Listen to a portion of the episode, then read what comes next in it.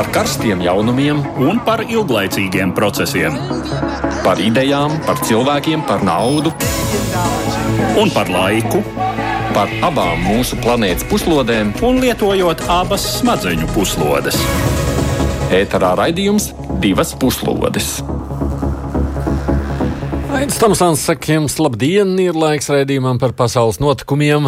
Nepilna stunda veltām aktualitāšu analīzei, izvērtējumam un ziņu apkopošanai. Raidījums top kopā ar Eduardu Liniņu. Viņš ārkārtas situācijas laikā ir pie telefona. Sveiks, Eduarda! Labdien! Mēs šodien vairāk laika veltīsim šādiem trim tematiem. Katalonijā ir notikušas vietējās vēlēšanas, un tur var nostiprinājuši tās partijas, kas iestājas par reģionu patstāvību. Pirmo reizi šīm partijām reģionālajā parlamentā ir vairākums, un jau ir atsākušās runas par jaunu neatkarības referendumu. Lūkosim, kāda izskatās tālākā perspektīva. Savukārt Itālijā tapusi ir jauna valdība, kādreizējā Eiropas centrālās bankas vadītāja Mario Draghi vadībā. Vai politisko spēku līdzsvars valstī ir mainījies? Ko tas nozīmēs Itāļiem? Kādu Itālijas politiku mēs varam sagaidīt jaunā premjera vadībā?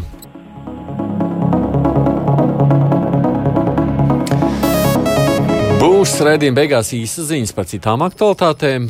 Sākam mēs ar Krieviju un tās attiecībām ar Eiropas Savienību. Pēdējo dienu un nedēļu notikumi ir bijuši ļoti saspringti, tādēļ vispirms klausāmies notikušā kopsavilkumu. Vieglas smiltis Eiropas Savienības ārpolitikai. Tāds virsraksts rotā nesena politiko publikācija, kas veltīta Eiropas Savienības augstā pārstāvja ārpolitikas un drošības jautājumos Žozepa Borela vizītē Maskavā. Kā zināms, augstais pārstāvis saņēmis nopietnu kritiku par nespēju izrādīt pretestību Krievijas ārlietu ministra Sergeja Lavrova uzbrukošajai retorikai un arī Krievijas puses rīcībai tieši viņa vizītes laikā, izraidot no valsts vairāku Eiropas valstu diplomātus. Pats Borels pēc vizītes atzīst, ka Krievija un Eiropas Savienība ārpolitiski attālinās un Maskava uzlūko demokrātiskās vērtības kā eksistenciālu draudu. Tāpat augstais pārstāvis paudzes principiālu atbalstu tālākām sankcijām pret Krievijas režīmu, kuru konkrētais raksturs gan esot dalību valstu ziņā. Tomēr Borels neatzīst, ka viņa vizīte Maskavā būtu bijusi kļūda. Tikām aizvadītajā nedēļā uzmanību izpelnījušies Sergeja Lavrova izteikumi par to, ka Krievija gatava pārtraukt jebkādas ārpolitiskās attiecības ar Eiropas Savienību, ja pēdējā atļausies ar savām sankcijām nopietni skart Krievijas ekonomiskās intereses. To Krievijas ārlietu resoru vadītājs pauda 12. februāra intervijā Kremļa propagandistam Sergejam Solovjovam, pie tam izmetot frāzi: Gribi mieru, esi gatavs karam. Vēlāk šo izteikumu raksturu centies mīkstināt Krievijas prezidenta preses sekretārs Dmitrijs Peskovs, sakot, ka būtībā jau ārlietu ministrs esot teicis, ka Krievija gribot attiecību attīstību, taču esot gatava pretējiem, ja Eiropas Savienība izvēlēšoties šādu ceļu. Savukārt trīs dienas vēlāk preses konferencē pēc tikšanās ar Somijas ārlietu ministru Peku Havisto Lavrovs atkal piesauc šo tēmu, norādot, ka tas gan nenozīmējot attiecību saraušanu ar atsevišķām Eiropas valstīm. Tikām Briselē šie Krievijas ārlietu ministra izteikumi novērtēti kā provokatīvi un dīvaini. Eiropas Savienības ārlietu dienesta oficiālais pārstāvis Peters Stano izteicies, ka šādi Krievija vēlreiz apliecinot, ka šobrīd nav gatava dialogam, kas esot acīm redzam no visām tās ārpolitiskajām darbībām. Jau piesauktajā politiko publikācijā, attīstot Eiropas Savienības ārpolitikas nāves metaforu, pauž, ka apbedīšana notikšot šo pavasaru Baltijas jūras ūdeņos. Ar to domāta gāzes vada Nord Stream 2 plānotā pabeigšana un iespējamās sankcijas pret šo projektu arī varētu būt tas, ko ministrs Lavrovs domājas ar Krievijas vitālo ekonomisko interešu skaršanu. Eiropas Savienības ārlietu ministru sanāksme, lai spriestu par sankcijām pret Krieviju, paredzēta 22. februārī. Kā eksperts šīs dienas raidījumā esam aicinājuši Vidzemes augstskolas lektoru politologu Jānu Kapustānu. Labdien! Sveiki! Par ko liecina visi šie notikumi un Krievijas izteikumi, Jāni? Jā, nu tā tad mēs varētu, mēs varētu raksturot tādā veidā, ka Krievijai tāda kopēja Eiropas Savienības ārējā un drošības politika nav izdevīga, un Krievija daudz labprātāk rīkotos divpusējā formātā. Tas nozīmē, ka ar atsevišķām Eiropas Savienības lielajām valstīm Krievijai būtu daudz vieglāk panākt kaut kādu veidu teiksim, vienošanās nekā ar visu Eiropas Savienības kopā. It sevišķi, ja Eiropas Savienībā ļoti aktīvi darbojās arī baltieši un poļi. Un velti Krievija tieši norāda uz šo tā saucamo pretkrievisko faktoru. Tas varētu būt jau arī kā tāda zināma uzslava uh, Baltijas un Polijas diplomātiem, ka nu, viņiem tomēr kaut kāda ietekme ir arī Eiropas Savienības kopējā politikā. Bet nu, viņi jau tagad jau faktiski lielā mērā divpusējās sarunas vairāk uztur nekā Savienība. Ne divpusējās, saru, divpusējās attiecības jau nekur nav pazudušas un pastāv visu laiku, bet Eiropas Savienībai zināmā mērā ir arī tāds kopējs formāts, ko mēs ļoti labi redzējām, piemēram, Brexit pabeigšanas gadījumā attiecībās ar Lielbritāniju. Un, uh, Krievija jūt, ka šis kopējais formāts ir ļoti neizdevīgs. Un vēl kas ļoti interesanti, šie skaļie paziņojumi, ka vajadzētu vispār pārtraukt attiecības ar Eiropas Savienību. Tas ir īstenībā nu, tāds spēcīgs signāls, ja draudi pret iespējamām tālākām sankcijām, ko Eiropas Savienība varētu pieņemt par Krieviju. Te mēs ļoti labi redzam, ka nu, Krievija negrib jaunas sankcijas pret sevi. Īstenībā jau arī Covid situācija ne tikai Eiropas Savienības valsts, bet arī Krievija ir ļoti pamatīgi novājinājusi. Tāpēc nu, ir ļoti spēcīgs šis signāls, nu, tāda kā drauda attiecībām ar Eiropas Savienību kopumā, te mēs redzam, cik ļoti Krievija ne nevēlas šīs jaunās sankcijas. Uh, Eduard, ko tu saproti, ko nozīmē tā sarauta attiecības? Nu, droši vien tāda kategoriska attiecību saraušana, lai cik arī Krievija to nopietni domātu un vēlētos, īsti nav iespējama. Lai gan par to, protams, tiek spekulēts, kā arī citētajā resursa politiko publikācijā, nu, tātad, ka Krievijai ir izdevies nokaut eh, Eiropas Savienības ārpolitiku, lai gan eh, jāsaka vienotu ārpolitiku. Lai gan jāsaka, nu, es teiktu, ka uh, baumas par Eiropas Savienības ārpolitikas nāvi ir mazliet pārspīlētas. Citējot slaveno hrestomātisko frāzi. Uh, Eiropas Savienības kopējā ārpolitika pastāv. Vienīgi, protams, tā ir ārpolitika, kas veidojas tādā sarežģītā tapšanas procesā joprojām visai ilgā. Un patiešām saliedējot un saskaņojot šos atsevišķo dalību valstu viedokļus, kas patiešām tikai dažos gadījumos ir ļoti vienoti. Nu, mēs jau arī Brexita gadījumā redzējām, eh, ka eh, teiksim, bija valstis, kuru intereses bija daudz, daudz nopietnākas kartas, kuras eh, satraucās par šiem jautājumiem daudz vairāk. Un pašā Brexita tātad šo, šī procesa finālā noslēgumā mēs jau atceramies, ka bija arī tāds neliels spriedzes moments uh, vai faktiski nu, pat, pat vēl pēc, tad, tad tas ir, par ko mēs nesen runājām, šī situācija ar uh, pārbaudēm uz īrijas, Ziemeļīrijas robežas, uh, par kuru, uh, lūk, lemjot Eiropas komisijā, nebija informēta nedz īrija, nedz uh, arī citas dalību valsts atsevišķi. No, nu, labi, tas tātad, ir no tās puses jā, tā, skatoties. Respektīvi, respektīvi tātad process, kurā veidojas un pastāv Eiropas Savienības ārpolitika, ir pasaulē unikāls un uh, ļoti sarežģīts. Nu jā, bet no, tas šajā tā... gadījumā ko nozīmē? Tas nozīmē, ka Krievija tā tad runā ar Ungāriju vai Vāciju atsevišķi, bet ar Briseli atsakās runāt kaut kā tā? Nu, uh, nu, kaut kā tā, lai gan es domāju, ka tas arī reāli neies cauri, jo runa jau uh, ir, ja ir runa piemēram par, par uh, kontaktiem, lai tie būtu piemēram uh, vides politikas jautājumi. Uh, Eh, piemēram, runa par uh, kaut kādu um, risinājumu meklēšanu iespējams kopīgu karstajos punktos vidusjūras reģionā. Uh, lai tas būtu, un jo sevišķi, ja ir runa par ekonomiku um, un tirdzniecību, tad tur gan Eiropas kopējā politika ir ļoti monolīta, un tur sevišķi pēdējā punktā, un tur nu, bez, bez runāšanas ar visu Eiropas Savienību kopumā Uh, nu, nekas nesanāks. Uh, visdrīzāk tomēr ir tā, ka uh, tas, ka Krievija tik agresīvi šobrīd par to runā, Un tādos toņos apliecina, ka Kremlis ir sanervozējis. sanervozējies, atvainojos. mm -hmm. Piedodiet. Tātad sanervozējies ne tikai ārpolitiski, bet arī iekšpolitiski.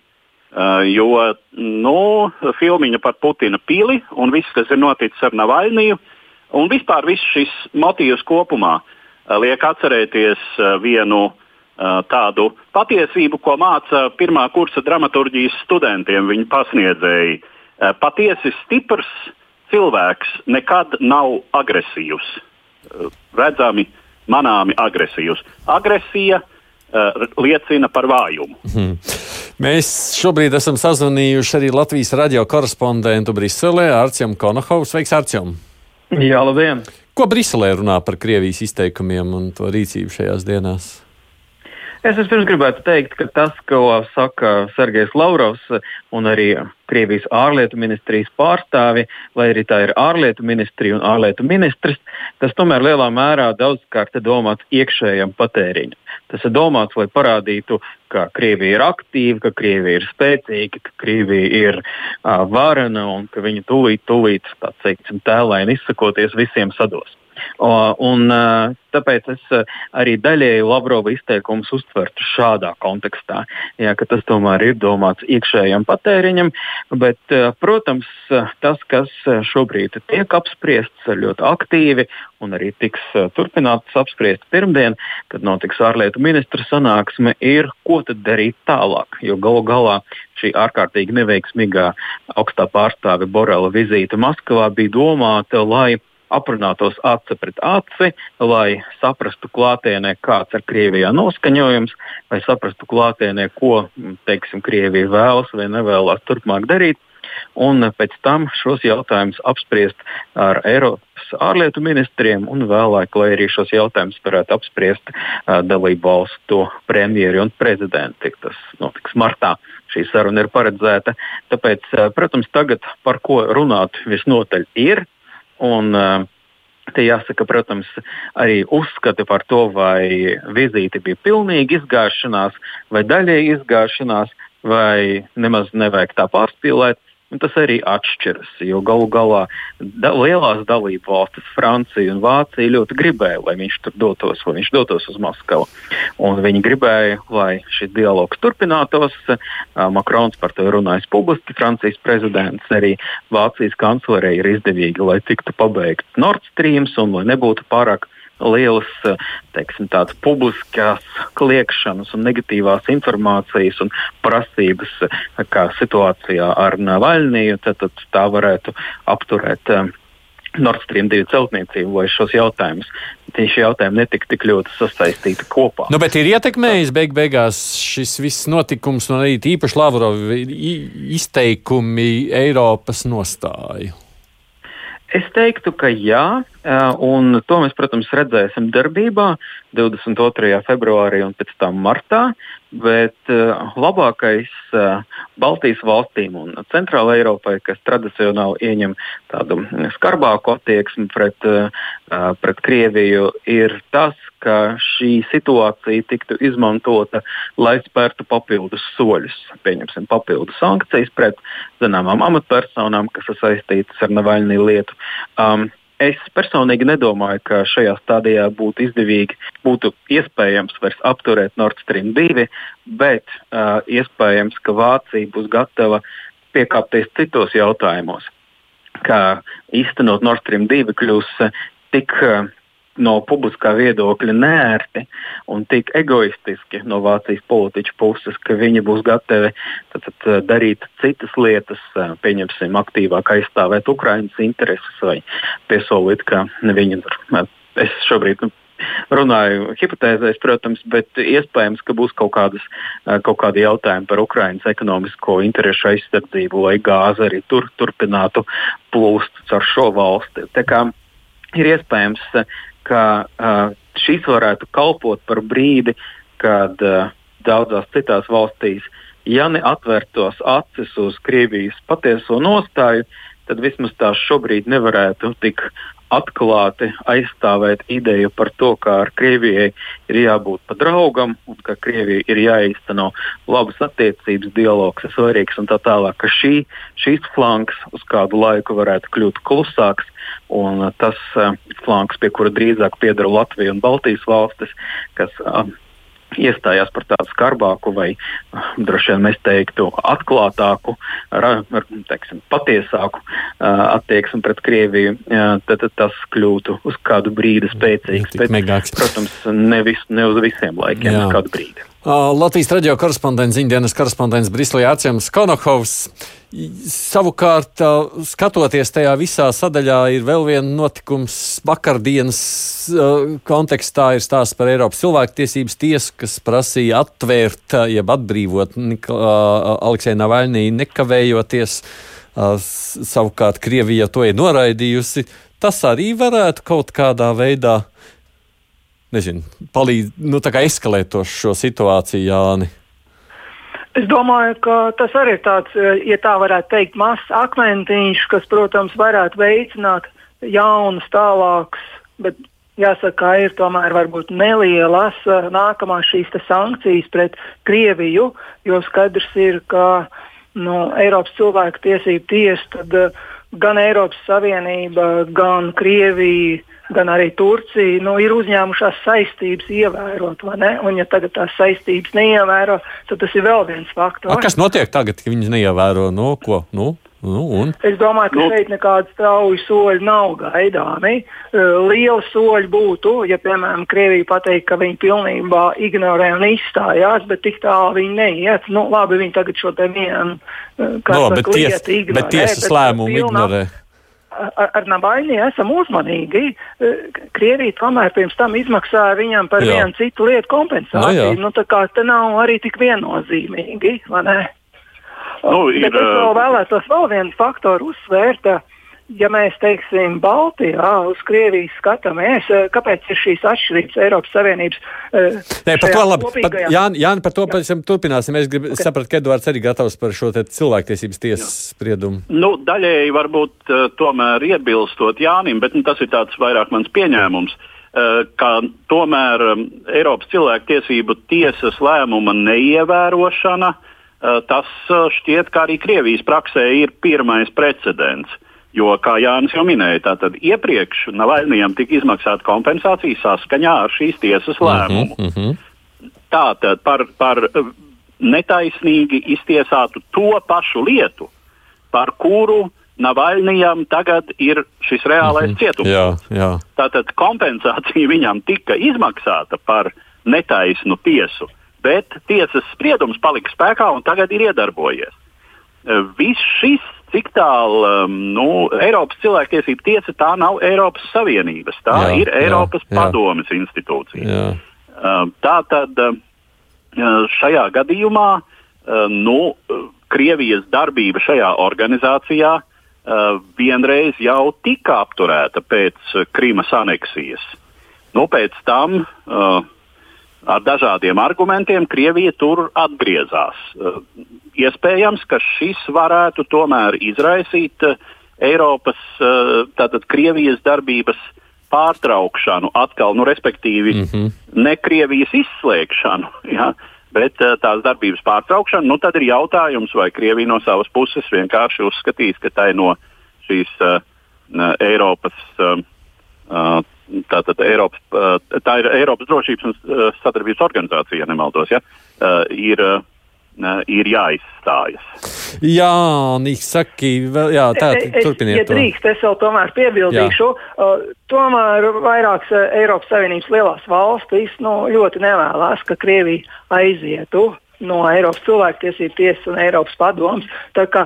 Es tomēr vēl negaidītu uz ļoti straujiem soļiem. Eh, Eiropieši, vismaz rietuma Eiropieši, viņi tā tomēr lēnām visas mm. lietas mm. risina attiecībās ar Krieviju un tādas straujas lietas nerīkojas.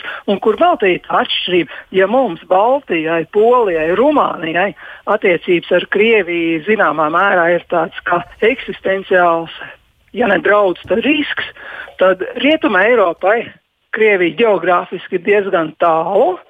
Un Uh, viņi bieži vien šīs attiecības mēģina skatīties no ģeopolitiska viedokļa, kur pasaulē divas lielākās varas konkurē ASV un Ķīna. Un no tāda viedokļa daudz rietumu eiropiešu mēģina nu, teiksim, iztēlot Krieviju kā tomēr nākotnē, kā partneri Eiro, Eiropai, Eiropas Savienībai. Tā kā šeit ir šīs atšķirības.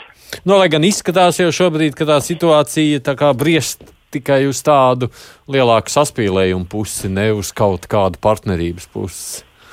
Protams, protams, īstermiņā viennozīmīgi šīs attiecības vēl sāsināsies, bet es tikai gribēju teikt, ka Eiropas Savienībā ir ļoti liela uzskatu dažādība, īpaši jau pēc reģionāliem principiem. Un, teiksim, ilgtermiņā, nu, it kā neviens negribētu tās durvis aizslēgt ar Krieviju, un daudzas ekonomiskās attiecības jau tomēr ļoti stabili paliek spēkā. Mums viss redzējums jau faktiski šodien ir par notikumiem Eiropā. Es gribam runāt tālāk par nākošo tematu, tāpēc turpinām par vēlēšanu rezultātiem tagad citu vietu - Kataloniju. Tur lielāku ietekmi guvušas ir separātismu atbalstošās partijas. Klausāmies vispirms faktu apkopojumu. Svētdien tika ievēlēts jauns Katalonijas autonoma apgabala parlaments. Šīs bija ārkārtas vēlēšanas, kuras līdzinājais Katalonijas autonoma apgabala valdības prezidents Kims Torra izsludināja pēc tam, kad ar Spānijas augstākās tiesas lēmumu tika atstādināts no amata par vēlēšanu likumdošanas pārkāpumiem 2019. gada Spānijas parlamentu vēlēšanu laikā. Šajās vēlēšanās lielāko balsu skaitu ieguva Katalonijas sociālistu partija ar bijušo Spānijas veselības ministru Salvadoru Ilju priekšgalā. Šī partija atbalsta Katalonijas palikšanu Spānijas sastāvā un savu priekšvēlēšanu programmu balstīja neatkarības jautājumu sašķeltā reģiona atkal apvienošanā, ekonomikas aktivizēšanā un sociālās sfēras attīstībā. Tomēr sociālistiem nav droši izredz kļūt par reģionu valdošo partiju, jo šajās vēlēšanās savas pozīcijas vēl vairāk nostiprinājušas tās partijas, kuras iestājas par Katalonijas atdalīšanos no Spānijas. Tikpat deputātu, cik sociālistiem reģionu parlamentā tagad būs arī līdz šim spēcīgajai Katalonijas kreiso republikāņu partijai, un gandrīz tikpat labi rezultāti ir centriskajai neatkarības atbalstītāju partijai Vienoti Katalonijai kuru pagājušo gadu nodibināja emigrācijā esošais bijušais Katalonijas valdības prezidents Karles Puigdemons. Tāpat savu salīdzinoši mazāko frakciju būtiski palielinājusi vēl viena neatkarību atbalstošā partija - Tautas vienotības kandidatūra. Kopā Katalonijas reģionālajā parlamentā neatkarības atbalstītāju spēkiem būs 74 no 135 vietām. Tas gan nenozīmē jaunus radikālus soļus iespējamās neatkarības virzienā, kas novest pie jaunas attiecību sāsināšanās ar Spānijas centrālo varu. Katalonijas sadalīšanās jautājumu pēdējā gada laikā aizēnojusi koronavīrus pandēmija un ar to saistītās ekonomiskās problēmas. Un, kā liecina aptaujas, neatkarības atbalstītāju un pretinieku daudzums Katalonijā ir aptuveni vienāds. Var piebilst, ka relatīvs panākums šīs vēlēšanas ir radikāli labēji populistiskajai partijai Vox, kas pirmo reizi iekļuvusi reģionālajā parlamentā, savukārt graujoši sakāvi šais vēlēšanās piedzīvojuši centriskie spēki - Liberāla konservatīvā partija Pilsoņi un Liberālā Katalonijas Eiropas Demokrātiskā partija.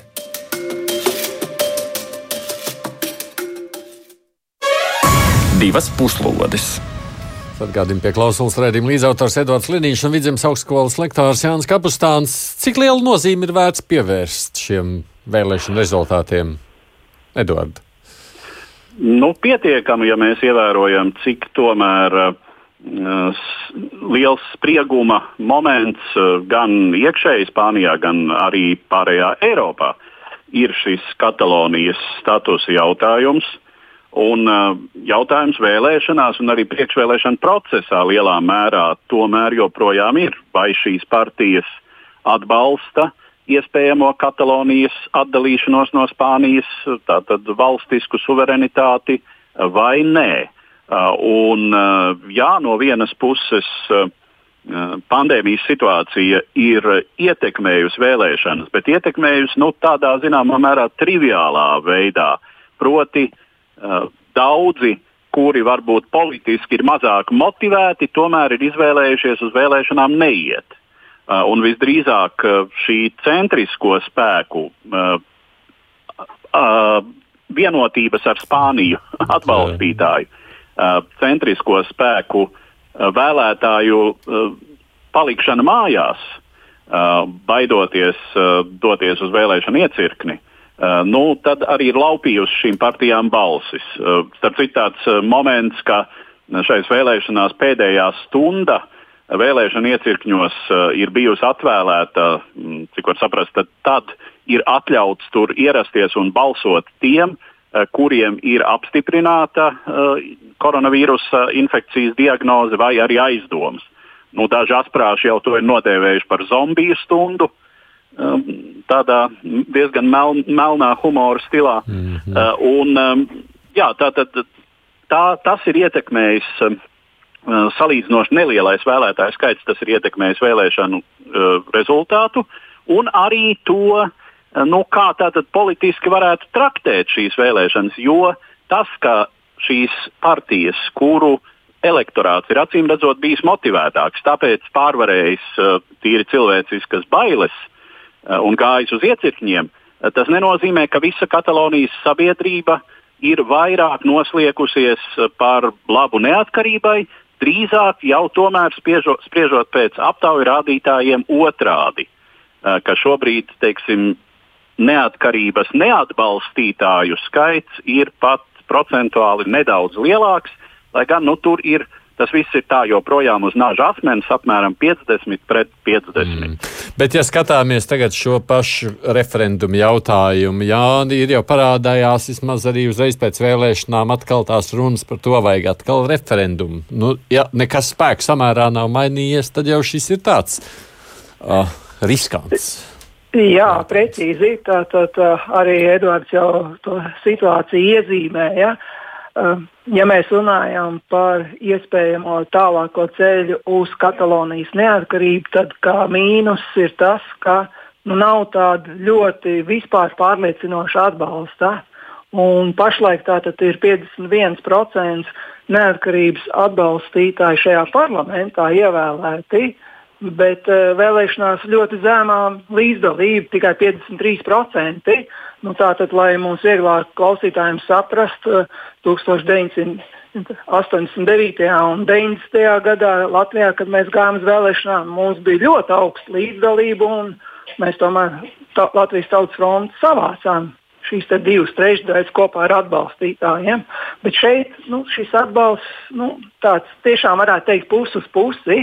Otrkārt, varētu teikt, ka zināms mīnus ir, ka starp šīm trim partijām diezgan liels domstarpības un kašķi. Īstenībā nu, viņas arī pamatīgi strīdās savā starpā, un tas arī kaut kur neveicina. Un, protams, treškārt arī centrālā Spānijas valdība ir parūpējusies, lai teiksim, iepriekšējie katalāņu līderi, lai viņi tiktu arestēti vai aizbēgti trimdā un tādējādi arī vājinātu. Bet skaidrs ir, ka nu, šīs vēlēšanas ir kā jauns signāls, ka šī neatkarības jautājums nav pazudis, viņš nav beidzies, bet vienlaicīgi nu, nav arī tāda pārliecinoša uzrāviena, lai veiksmīgi iet uz priekšu. Tāpat laikā šis te, e, Katalonijas reģionālais līderis, Pere Aragones, es ceru, ka es pareizi viņu izrunāju, viņš jau, jau ir paziņojis, ka katalāņu vēlētāji ir runājuši un ir laiks sākt sarunas par pašnoteikšanās referendumu. Tā kā ideja viņiem ir, bet jautājums ir, vai Spānijas centrālā valdība vai Madrida to atļaus. Un mēs atceramies, ka uz laiku Madrida bija jau atcēlusi Katalonijas šo autonomiju, un šodien mēs varētu teikt, ka ir tāda kā pusautonomijas status. Jā. Nu, mm. tā kā tas vilciens ir atkal, varētu teikt, iesāks kustēties, bet nav strauji uzrāvieni. Te ir tā katalāņa lielākā problēma. Ja viņiem būtu vispār pārliecinoši, nu, vismaz 60, 70, 80% atbalsts, tad tas jau būtu daudz nopietnāk. Bet tas ir tas, kas viņam apgrūtina šo virzību uz pilnu mēroga neatkarības ceļu. Kādu tu redzi, Edvards, perspektīvu tagad skatoties?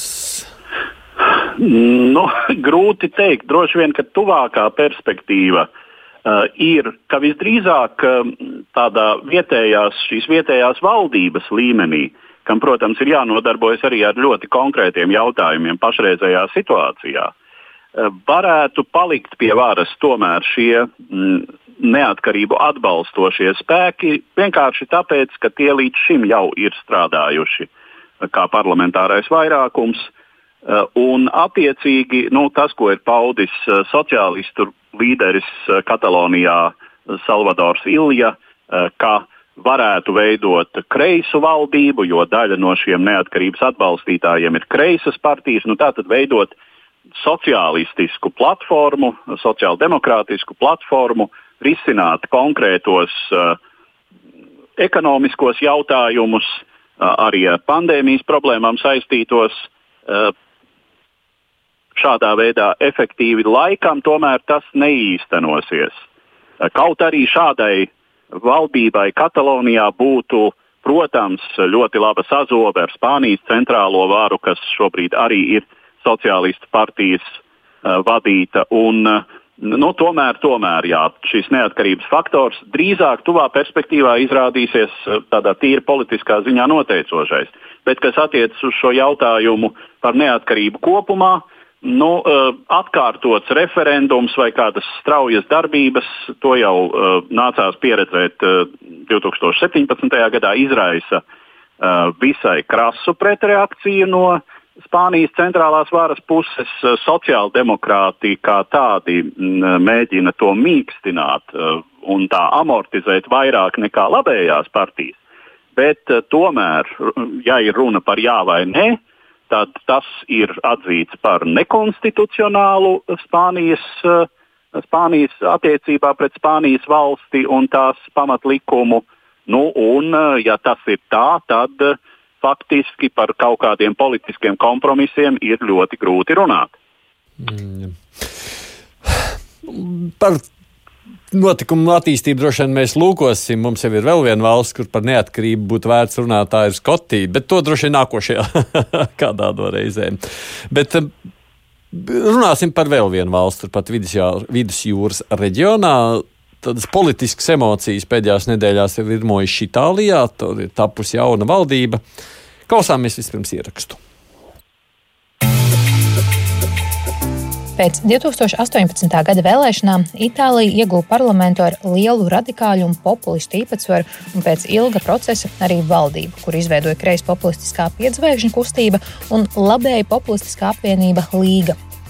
Šī valdība kā politisku, tā subjektīvu pretrunu rezultātā izjuka 2019. gada augustā, pēc kam septembrī piedzvaigžņu kustība izveidoja kabinetu kopā ar divām kreisajām partijām - Demokrātisko partiju un partiju Brīvi un vienlīdzīgi, pie kam Demokrātiskā partija jau drīz pēc tam sašķēlās bijušajam premjeram Mateo Renci, izveidojot partiju Itālija Viva, aptuveni tulkojumu kā Itālija dzīva.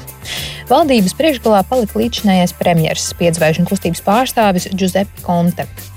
Jau pagājušā gada decembrī parādījās informācija, ka starp premjeru Konti un Itālijas Viva līderi Renci iezīmējušās nopietnas domstarpības. Janvāra vidū Renci paziņoja par savas partijas aiziešanu no valdības, motivējot to ar piedzvaigžņu kustības tieksmi diktēt savu gribu koalīcijas partneriem. Uzticības balsojumā Itālijas parlamentā Kontas valdība gan ieguva vairākumu, taču ne absolūto vairākumu, un rezultātā 26. janvārī valdība demisionēja. Sarunas par jaunās valdības veidošanu parādīja, ka Giuseppem Kontem joprojām ir nopietnas atbalsts abās Itālijas parlamenta palātās, taču pašā piedzvaigžņu kustībā ir nopietna pretestība tālākai sadarbībai ar Mateo Renciju un viņa partiju. Pēc tam, kad 2. februārī kļuva skaidrs, ka izveidot jaunu valdību ar iepriekšējo koalīciju neizdosies, Itālijas prezidents Sergio Mattarella aicināja bijušo Eiropas centrālās bankas prezidentu Mario Draghi veidot tehnokrātu valdību. Nākamajā dienā savu atbalstu Dragī valdībai izteica Giuseppe Conte, 10. februārī labējās apvienības līga vadītājs Salvīnī un labēja centriskās Forza Itālija līderis Silvio Berlusconi. Pēc tam, kad par atbalstu bija nobalsojusi arī Demokrātiskās partijas vadība un vairākums piedzvaigžņu kustības biedru tiešsaistes balsojumā, prezidents Matarella apstiprināja Dragī kabinetu un 13. februārī jaunā Itālijas valdība nodeva zvērastu. Vakar, 17. februārī, Itālijas senāts nobalsoja par uzticību jaunajai valdībai ar 262 no 302 balsīm, kas ir otrs pārliecinošākais balsojums Itālijas Republikas vēsturē. Sagaidāms, ka pietiekami pārliecinoši būs arī šodienas balsojums parlamenta apakšpalātā. No Dragī kabineta 26 ministriem 9 ir pie partijām nepiederīgi, savukārt pārējie pārstāv sešas partijas no visa politiskā spektra. Jūsuprāt, kas Itālijā mainīsies līdz ar jaunu valdību, Jāni? Es domāju, tā, ka īstermiņā pozitīvi ir tas, ka Itāļi ir ieguvuši jaunu premjerministru, kas ir Eiropas mērogā politiķis banķieris, jeb kā labāk teikt, tātad bijušais Eiropas centrālās bankas prezidents Mārio Draghi. Nevelti viņam ir arī ļoti skanīgi iesauka Tātad es citēju Super Mario, un tas jau arī apliecina ne, par šo viņu jaudu. Tātad viņš ir, varētu teikt, Itālijā augstākā kalibra mēroga zvaigzne. Viņš ir pierādījis savas spējas. Viņš ir bijis tātad, Eiropas centrālās bankas prezidents laikā, kad vajadzēja noturēt eiro valūtu, kad pastāvēja ļoti nopietni riski un eiro bija kā valūta kopēji apdraudēts. Tā tādā ziņā es gribētu teikt, ka viņš varētu būt smagsvars un viņš varētu būt pieredzējis ar lieliem kontaktiem un spējīgs cilvēks. Un viņš ļoti labi izprot ekonomiku.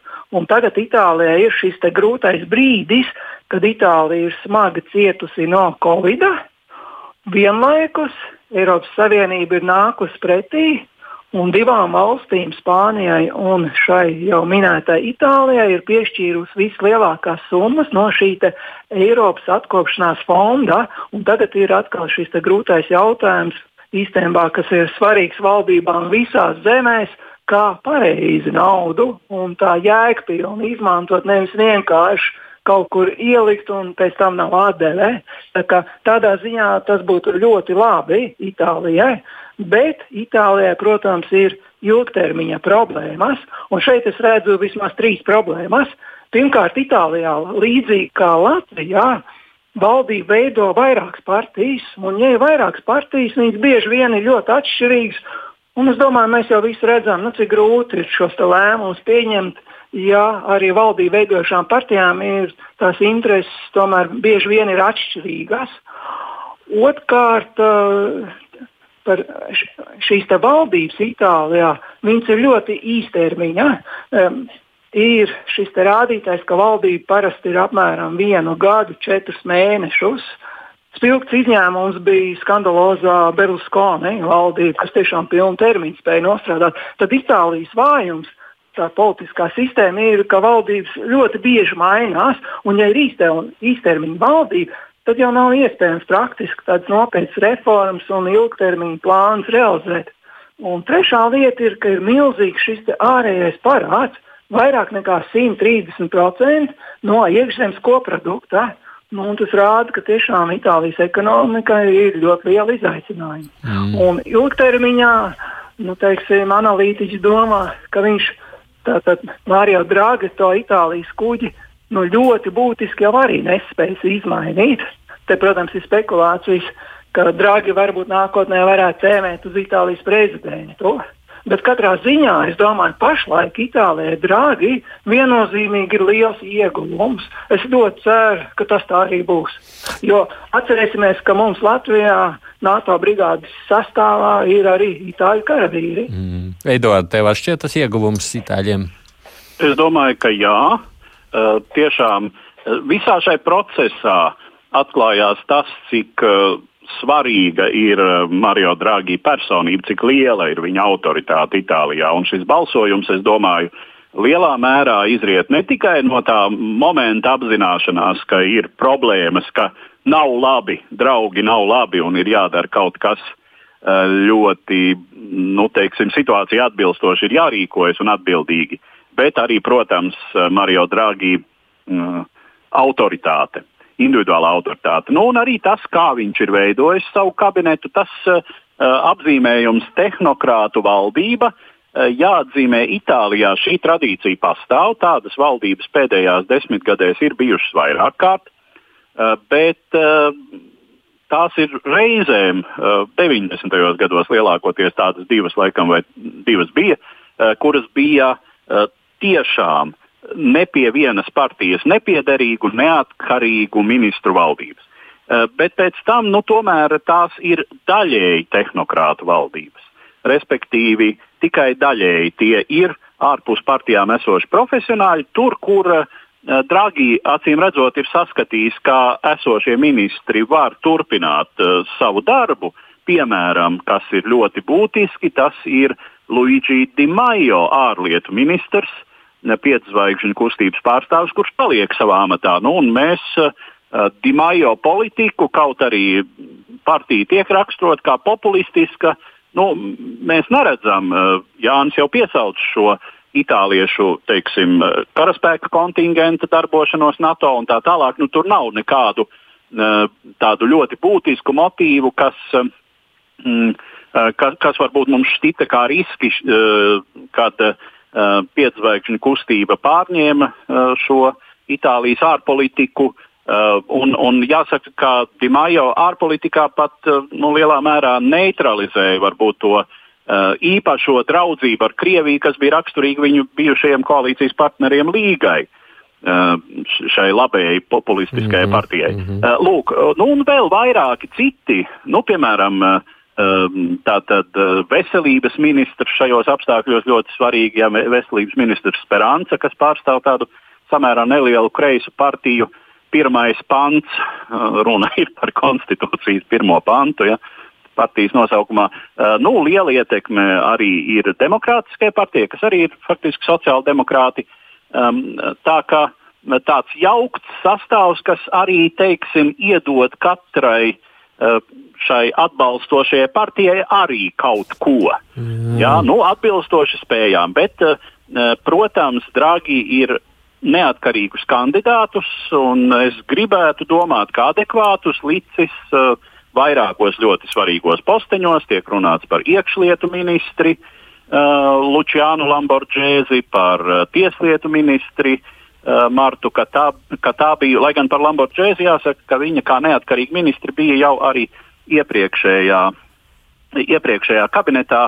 Uh, ka, kur arī bija jau daži neatkarīgi ministri, mm -hmm. kas tikai liecina, ka nu, šī attīstība zināmā mērā turpina to, kas jau um, kas jau tika iesākts ar iepriekšējā premjerministra uh, bijušo valdību. Mēs esam šobrīd sazvanījuši Raimondu Pļaviņu. Viņš dzīvo Sicīlijā, vai ne? Labdien! Labdien! Jā. Jūsuprāt, tagad skatoties, vispār, ko jūs domājat par šo, ka krīzes laikā mainās tā valdība? Kā tas izskatās no itāļu no, puses? Uh, skatoties uh, no modernās teiksim, Eiropas vai pasaules valstu konstrukcijām un teiksim, pārvaldes uh, schēmām, ir pilnīgi skaidrs, ka uh, cik situācija ir tīpaši Itālijā uz Eiropas Savienības fona, kā jau teica iepriekšējie cilvēki, ir grūta. Plus, teiksim, uh, skaidrs, ka notiek dažādas politiskas cīņas, kam visam pamatā ir ļoti vienkārša lieta - nauda. Un pat cik Itālija, kā mēs zinām, nav no tām visorganizētākajām valstīm pasaulē, tā cīņa teiksim, ir diezgan izmisīga un diezgan nu, tāda mm. emocionāla. Mm. Tas īstenībā arī ir pamats uh, konta, konta valdības skrišanā jo apakšā bija ļoti liels iekšējs konflikts par eh, jautājumiem, kas ir saistīti ar ekonomiku. Jo redziet, eh, Itālija, neskatoties uz to, ka ir liela un tā ir trešā lielākā ekonomika Eiropas Savienībā, eh, kā visi zina, Itālija ir mazo kompāniju valsts lielākā daļa ekonomikas ir kompānijas, kur strādā teiksim, 10, 15 cilvēki un tā tālāk. Un šīs segments kopumā ir nonācis ārkārtīgi grūtā situācijā. Lai nespīdētu teiksim, ar kaut kādiem statistikas datiem, kam tas ļoti interesē, var izlasīt, tas ir pieejams, bet fakts reālais ir tāds, ka lielākā daļa cilvēku varēja izdzīvot trīs mēnešus, neliela daļa sešus un tikai atsevišķu gadu. Bet it īpaši apkalpojošā sfēra šobrīd Itālijā stāv jau 12 mēnešus faktiski. Bet tas nozīmē būtībā, ka šīs valdības pamat izaicinājums būs tieši nu, kaut kā palīdzēt šim mazajam biznesam. Jā? Nu, ne tikai, protams, mazajam, bet vispār kaut kā izkustināt ekonomiku. Protams, tas mērogs jau ir gigantisks un ir pilnīgi skaidrs, ka nekādos, nu, ne trijos, ne sešos, ne, ne 12 mēnešos to nevar izdarīt. Bet saruna, protams, ir par kaut ko citu, ko jau iepriekšējie runātāji teica. Jā, vai teiksim, cilvēki, kas nonāk šobrīd pie valdības, te nav pat saruna, kas viņi paši tādi ir. Par viņiem it kā ir skaidrs. Saruna ir par kaut ko citu. Vai viņi spēs implementēt sistēmu, kas strādās. Mm. Jo jūs saprotiet, ka uh, valdība var dot nu, visādus rīkojumus, bet kas notiek kaut kādā, teiksim, mazpilsētā, no nu, Itālijas dienvidos, tas ir pavisam cits jautājums. Mm -hmm.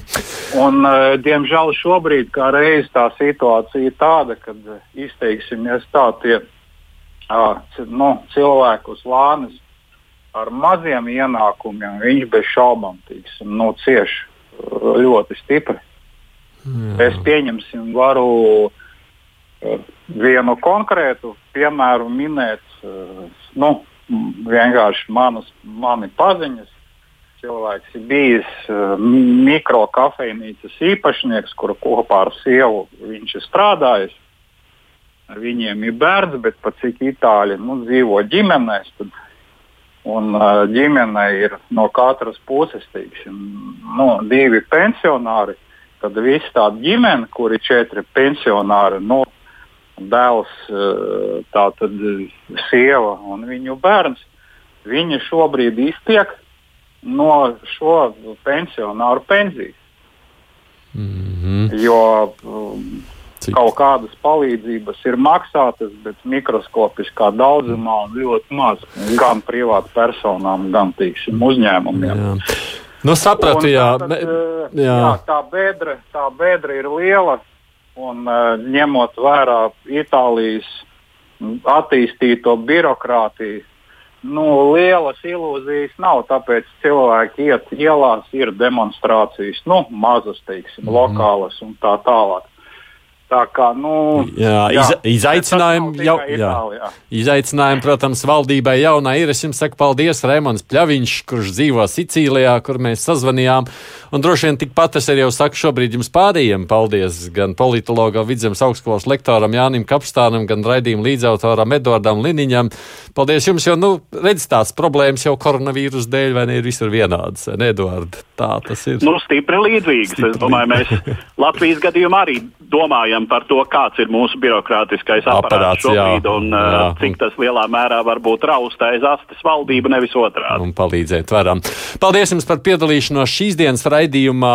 Mēs vēl noslēgumā esam atvēlējuši laiku dažām ziņām īsumā, tāpēc tagad uh, raidījuma turpinājumā tātad mēs turpinām ar tām. Baltkrievijā trešdien sākusies tiesas prāva pret opozicionāru Viktoru Babariko, kurš apsūdzēts par korupciju un naudas atmazgāšanu. Babariko plānoja kandidēt prezidenta vēlēšanās, bet tika aizturēts. Viņu apsūdzēja kukuļu pieņemšanā un par noziedzīgiem līdzekļiem iegūtas naudas atmazgāšanā, laikā, kad viņš vadīja banku Bel Gazprom Bank, kas ir Gazprom apakšstruktūra. Tumsa ļaunprātība un meli nevar ilgt mūžīgi. Rītausma atnāks un izgaismos mūsu Baltkrievijas plašumus. Tiesas sēdes priekšvakarā ar savu advokātu starpniecību paziņoja 57 gadus vecais Bariko. Tikmēr dienu iepriekš varas iestādes veica kratīšanas žurnālistu un cilvēktiesību aktīvistu mājās un birojos un aizturēja vairākus desmit cilvēku. Eiropas padoma un starptautiskā organizācija Amnesty International nosodījusi notiekošo. Savukārt šodien uz diviem gadiem cietumā tika notiesātas divas polijā bāzētā medija Belasat žurnālistas. Viņas tika aizturētas novembrī dzīvoklī, no kura viņas filmēja protestus. ASV Senāts sestdien impeachment prāvā attaisnoja bijušo prezidentu Donaldu Trumpu, kas bija apsūdzēts musināšanā uz dumpi saistībā ar 6. janvāra Kapitolija nekārtībām. Demokrāta kontrolētajā senātā vairums nobalsoja par Trumpa notiesāšanu, tomēr demokrāti nespēja pārliecināt pietiekami daudz republikāņu, lai nodrošinātu divu trešdaļu vairākumu, kas bija nepieciešams notiesājošam spriedumam. Taču Trumpam tagad draud privātas apsūdzības. Viens ASV pārstāvju palātas likumdevējs demokrāts jau ir iesūdzējis tiesā Trumpu, kā arī viņa advokātu un ekstrēmistu organizācijas, apsūdzot viņus sazvērstībā ar mērķi apturēt vēlēšanu rezultātu apstiprināšanu. Uzmanīgi koordinēt notikumu virknes, kas izvērsās mītīņā, glābsim Ameriku un kapitolijas turmēšanā, nebija nejaušība vai sagadīšanās, tā ir teikts Mississippi kongresmeņa Benija Thompsona iesniegumā. Šī ir pirmā civila prasība, kas iesniegta pret Trumpu saistībā ar viņa lomu Kapitolija nekārtībās, kas prasīja pieci cilvēku, arī vienu policistu dzīvību.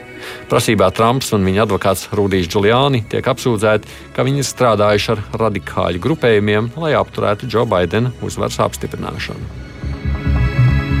Spānijā pēc repera Pablo Hasela aizturēšanas jau divas naktis pēc kārtas notikušas policijas un protestētāju sadursmes, kurās vairāki desmiti cilvēki ievainoti.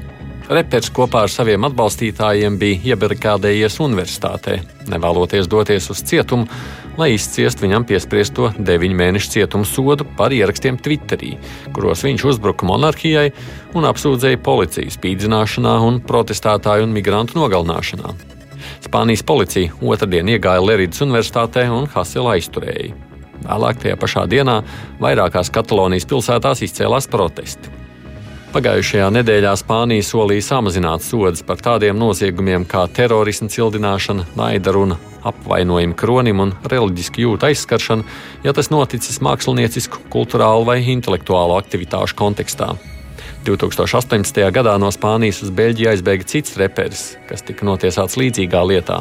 Spānija vēlas panākt viņa izdošanu, bet Beļģija atteikusies, norādot, ka saskaņā ar Beļģijas likumiem viņš nav pastrādājis noziegumu.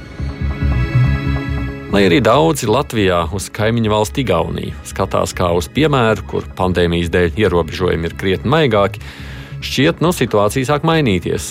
Saslimstības rādītāji tur procentuāli kļūst vēl lielāki nekā Latvijā, un Igaunijā ar vienu uzstaigāk tiek apspriesti jauni drošības pasākumi. Jau šodien tiek lemts par ierobežojumiem izglītības, kultūras un izklaides jomā, paredzot, ka vecāko klašu skolēniem no marta jāpāriet uz tālmācību. Veselības ministrs atzīst, ka vakcinācija ir palīdzējusi samazināt saslimstību sociālās aprūpes namos un slimnīcās, bet ne sabiedrībā kopumā. Izskatās, ka līdzīga situācija veidojas Zviedrijā, kur vienmēr ir īstenojusi brīvāku politiku. Šobrīd valdība gatavo priekšlikumus, lai varētu apturēt uzņēmumu, arī tirdzniecības centru, restorānu, trenižieru zāļu, sporta centru darbību. Tiesa gala lēmums par to vēl nav pieņemts. Zviedrijā līdz šim viss ir balstījies uz brīvprātības principu, bet veselības ministra atzīst, ka cilvēku apzinīgums sāk mazināties, un arī Zviedrija var ieviest obligātos karantīnas pasākumus. Ziemeļkorejas hakeri mēģinājuši nozagt no ASV farmācijas uzņēmuma Pfizer informāciju par Covid-19 vakcīnām. Tā atsaucoties uz Dienvidkorejas izlūkdienestiem, otrdien ziņoja vietējā ziņa aģentūra. Hakeri cenšies iegūt informāciju par Covid-19 ārstēšanu. Krievijas kiberdrošības uzņēmums Kaspersky decembrī jau ziņoja, ka Ziemeļkorejas hakeri ir mēģinājuši piekļūt datorsistēmām farmācijas uzņēmumā, kas strādā pie risinājuma koronavīrusam, bet toreiz neatklāja, par kuru uzņēmumu ir runa. Tāpat Kaspersky ziņoja, ka hakeri uzbrukuši arī kādas valsts veselības ministram, bet neatklāja, kuras valsts. Ziemeļkorejas hakeru grupējums Lazarus tiek turēts aizdomās par kiberuzbrukumiem bankām, kā arī 2014. gadā notikušo kiberuzbrukumu kinostudijai Sony Pictures Entertainment. Kā rezultātā kinostudijas darbs tika nobloķēts uz vairākām nedēļām. ASV uzskata, ka Ziemeļkoreja savu kodola programmu daļai finansē ar kiberuzbrukumos iegūtajiem līdzekļiem.